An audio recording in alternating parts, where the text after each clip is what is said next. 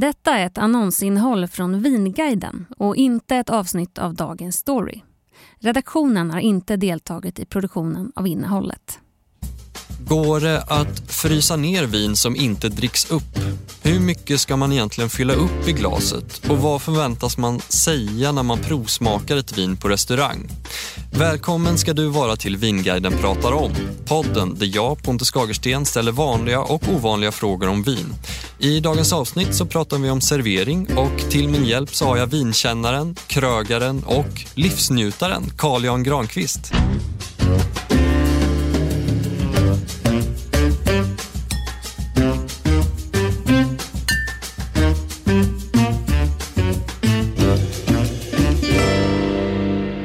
Välkommen. Tackar. Är du en livsnjutare? Hade jag rätt där? Alltså, jag är uppfödd med min mamma som sa till sin son Livet går ut på en enda sak, kalas. Allt däremellan är bara en speditionssträcka. Och i kalaset ingår faktiskt vin.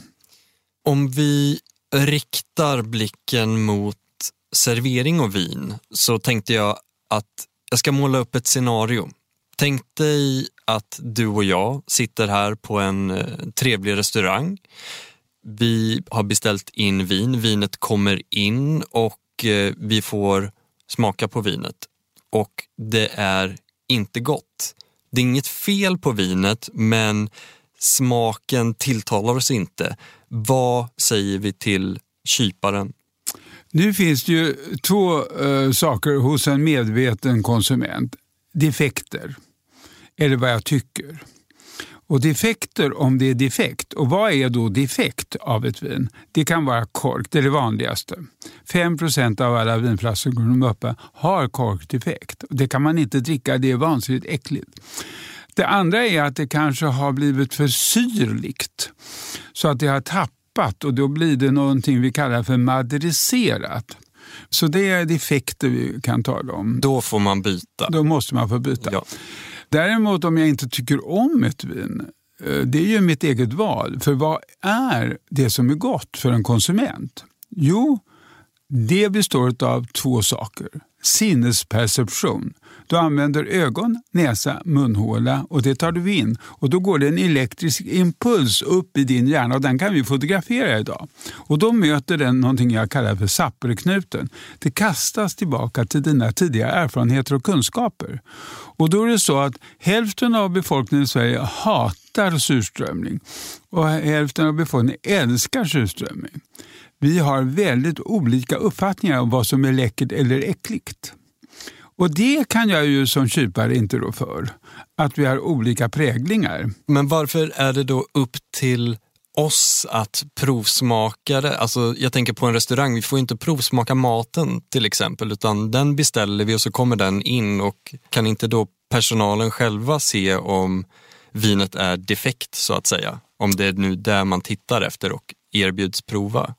Jag är ju runt hela Sverige oavbrutet och håller vinprovningar på restauranger.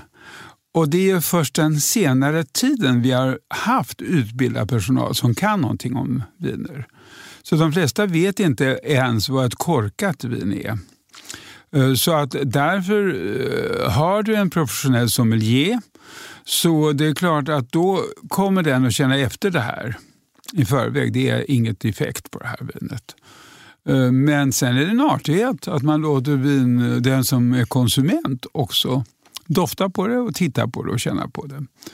Och då är det ju så att det är väldigt sällan, jag har ändå varit krögare i 50 år, alltså jag har serverat vin hela mitt liv, och det är väldigt sällan en konsument kan någonting om det där, så de nickar och ser förtjusta ut. Så det är mer en artighets eh, ceremoniell kan man säga kring vinet. Men har du icke-kunnig personal så är det upp till konsumenten att ha bättre kunskap än de som jobbar med det. Jätteintressant. Och jag tänker, där vi häller vinet i, alltså glasen. Det finns olika storlekar på vinglas. Om vi tar rödvinsglas och vitvinsglas till exempel. Varför är det så? Och vad tillför det vinet? Anledningen varför man bygger ett glas med en kupa, en skälk och en fot är ju att du ska hålla i foten och då kan du snurra bättre i glaset så du får upp en bouquet i näsan. Du kan också hålla i själva skaftet på glaset. Mest vulgärt är naturligtvis att fånga vinet i kupan, för då värmer du vinet med dina fingrar. Och därför uppbyggs det någon typ av how to behave med ett glas vin så att säga. Prins Carl Philip har gjort ett mycket roligt glas där det ligger en kula inne i själva kupan, en sfärisk kula. Eh, Tillför den något eller är ja, det bara design? Jag var ju tvungen att sätta upp en liten panel med mycket kunniga vinkännare. Tillförde sfären någonting och det tyckte vi faktiskt den gjorde. Vi har ju blint provat dem där då, så vi visste ingenting om det där. Men det blir väldigt mycket nördighet kring vinglas kan ja. man säga.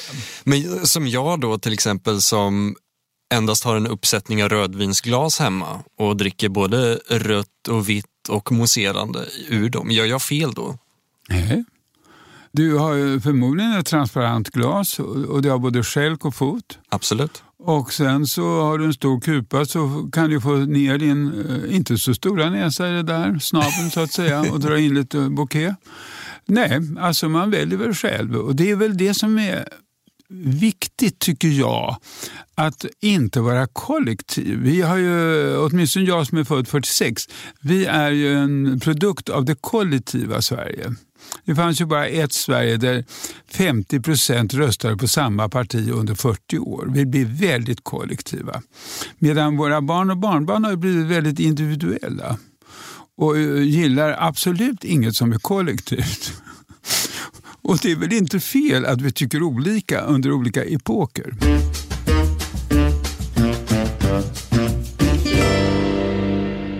Jag har fått höra att när man häller upp vin i glaset så finns det som ett gyllene snitt där du ska sluta och hälla och det är där glaset är som bredast. Stämmer det? Är det så man kan tänka?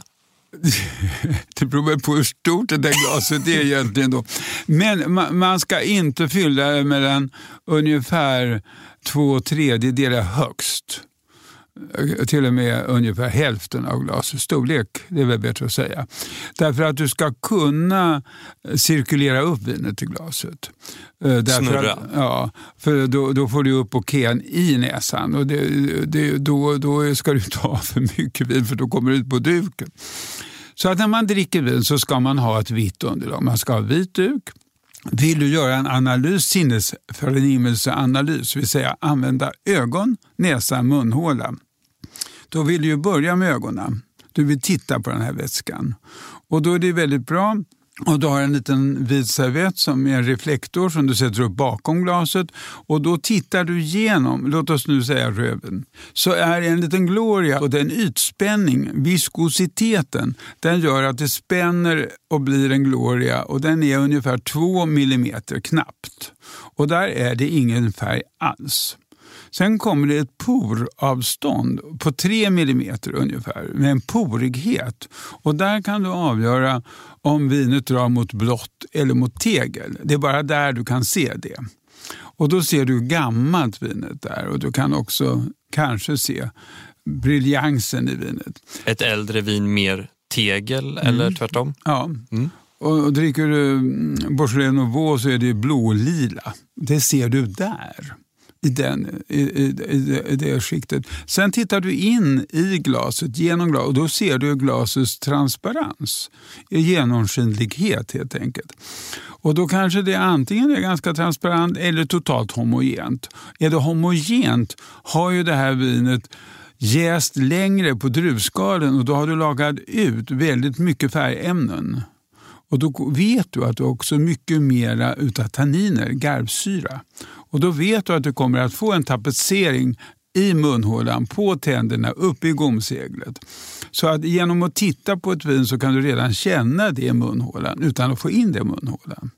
Så att titta på vin, där har vi ett språk som du förstår. Så när jag sitter och har en vinprovning så kan jag guida folk med ögonen rakt in i vätskan. Sen kommer vi till det här med doft, bouquet.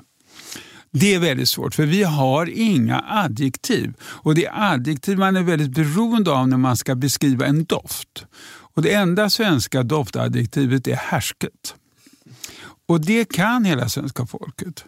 Och när det inte finns några adjektiv, då gör man adjektiv av substantiv. Och då blir det ju metaforiska uttryck. Är det då man börjar prata om blommigt? Eller nyrider svettig häst. Ja. Och då kan man säga att en doft består av fem tårtbitar. Om jag ska ha en halvcirkel som börjar klockan nio och går till klockan tre så lägger jag i den halvcirkeln fem tårtbitar. Och den första tårtbiten doftar vad det är för druva. Man måste strippa en doft. Annars har du ingen metodik hur du ska gå in i doftandet. Mm. Och eh, då vet vi att om det är Cabernet Sauvignon som är den mest moderna druvan idag och som har högsta prestigen så har den väldigt mycket utav svarta vinbärsblad som du har gnuggat eller brännässle eller lite grann av blyertspenna. Så du, du kan definiera eh, Cabernet Sauvignon. Eller Merlot är det ju väldigt mycket mer ett övermogen jordgubbe. Och man lär sig ganska snabbt att skilja på de väsentliga och de kan du ta kanske i första tårtbiten. Men man vet aldrig vilken tårtbit som drabbar dig i doften först. Nummer två, det är var har det här vuxit någonstans? Ofta doftar vin väldigt mycket av sitt klimat.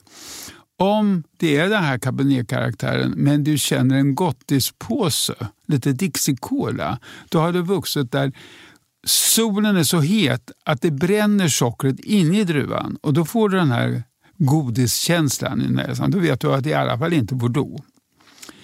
Tre, Torpet 3, det är ju dofter som kommer av den mineral som druvan har vuxit i. Som till exempel champagne doftar mycket kalk.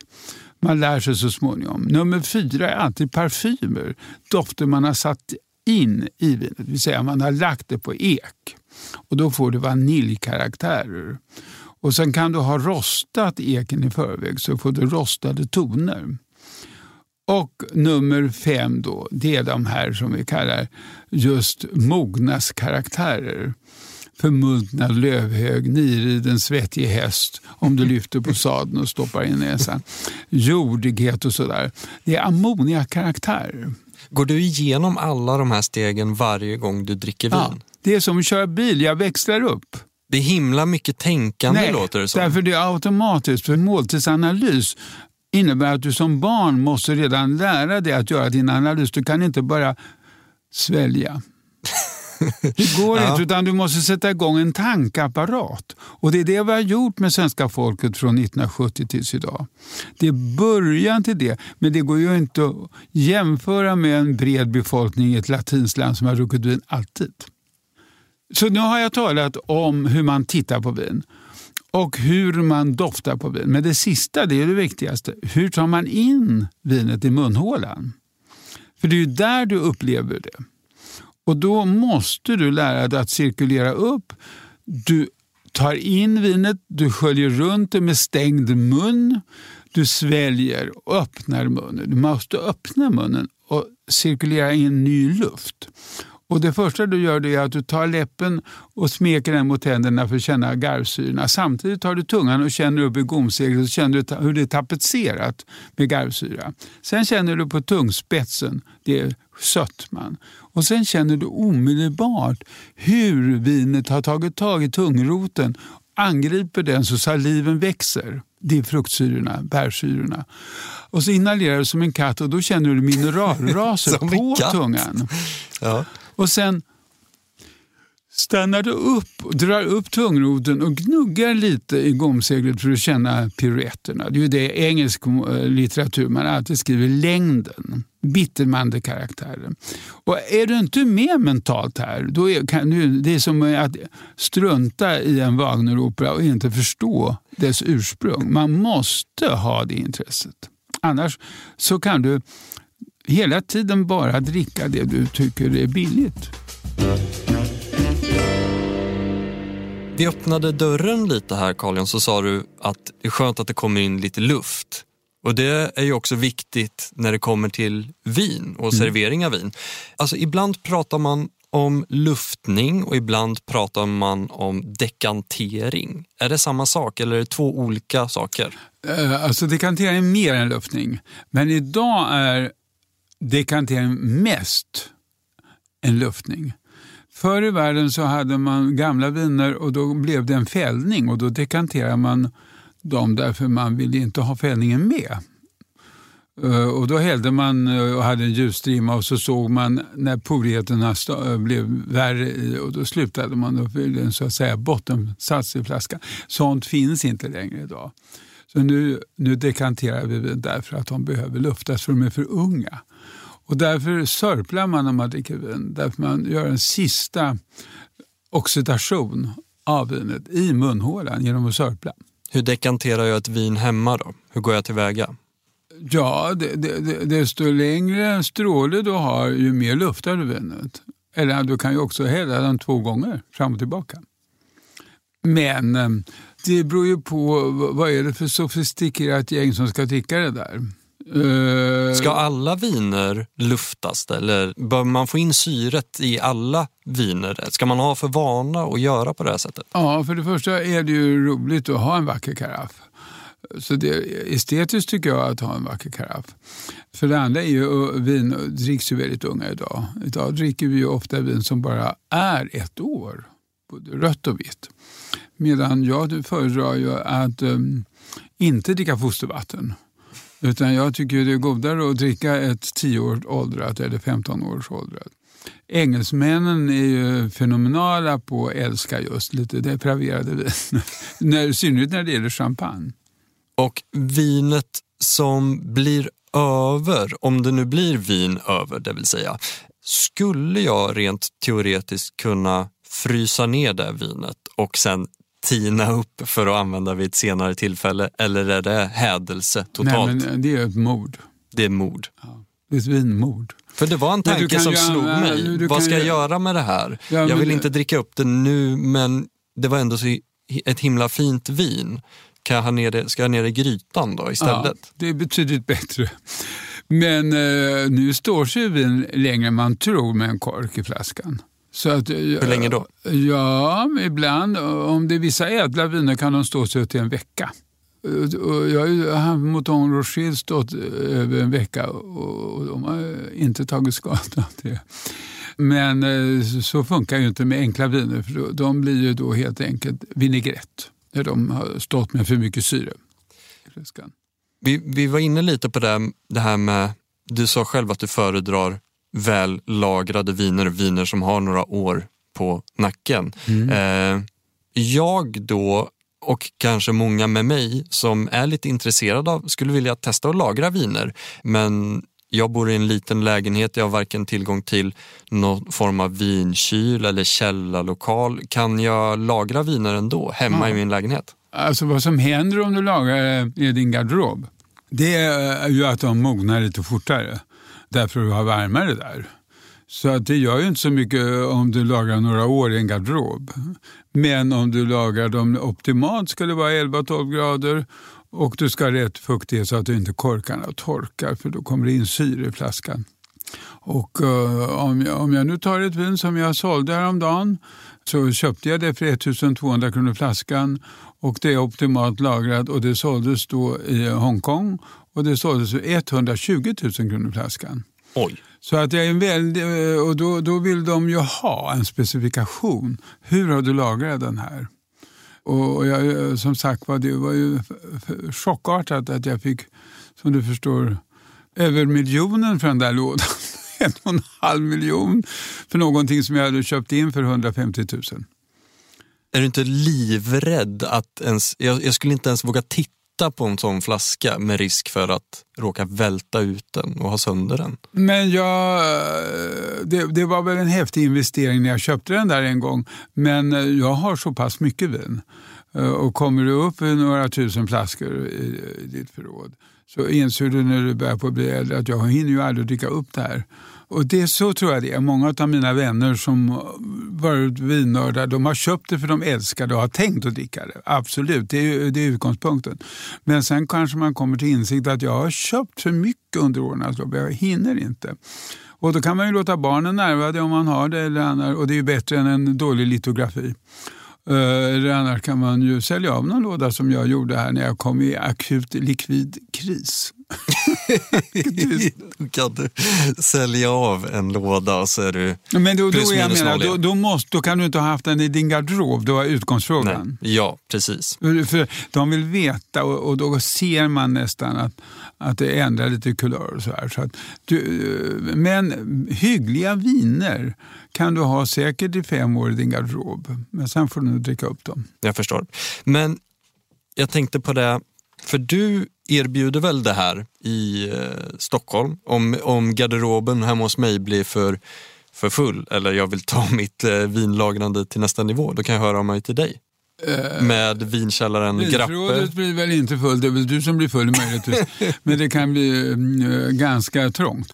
Ja, det, då finns det ju professionell hjälp att få lagring av vin. Och vad man vill i den professionella det är att ha rätt temperatur, rätt fuktighet, vibrationsfritt. Men en väldigt viktig faktor det är ju att du får in ditt lager i ett datasystem så att du vet vad du har. För om du kommer upp över 100 flaskor så är det omöjligt att komma ihåg det. Och sen kanske vi kopplar det till livindex, alltså ungefär som man gör med aktier. Se utvecklingen så du vet vad är det värt, ska jag försäkra det och vilket försäkringsvärde gäller. Därför vin är attraktivt som stöldobjekt. Och då om du kommer upp, i, det, man kommer lätt upp i någon miljö i sitt vinförråd. Och då vill man ha reda på det och det vill säkert försäkringsbolaget. De vill ha en noggrannhet vad, vad du är du försäkrar. Carl Jan Granqvist, stort tack för att du kom hit idag. Tack själv, vad kul att möta dig. tack.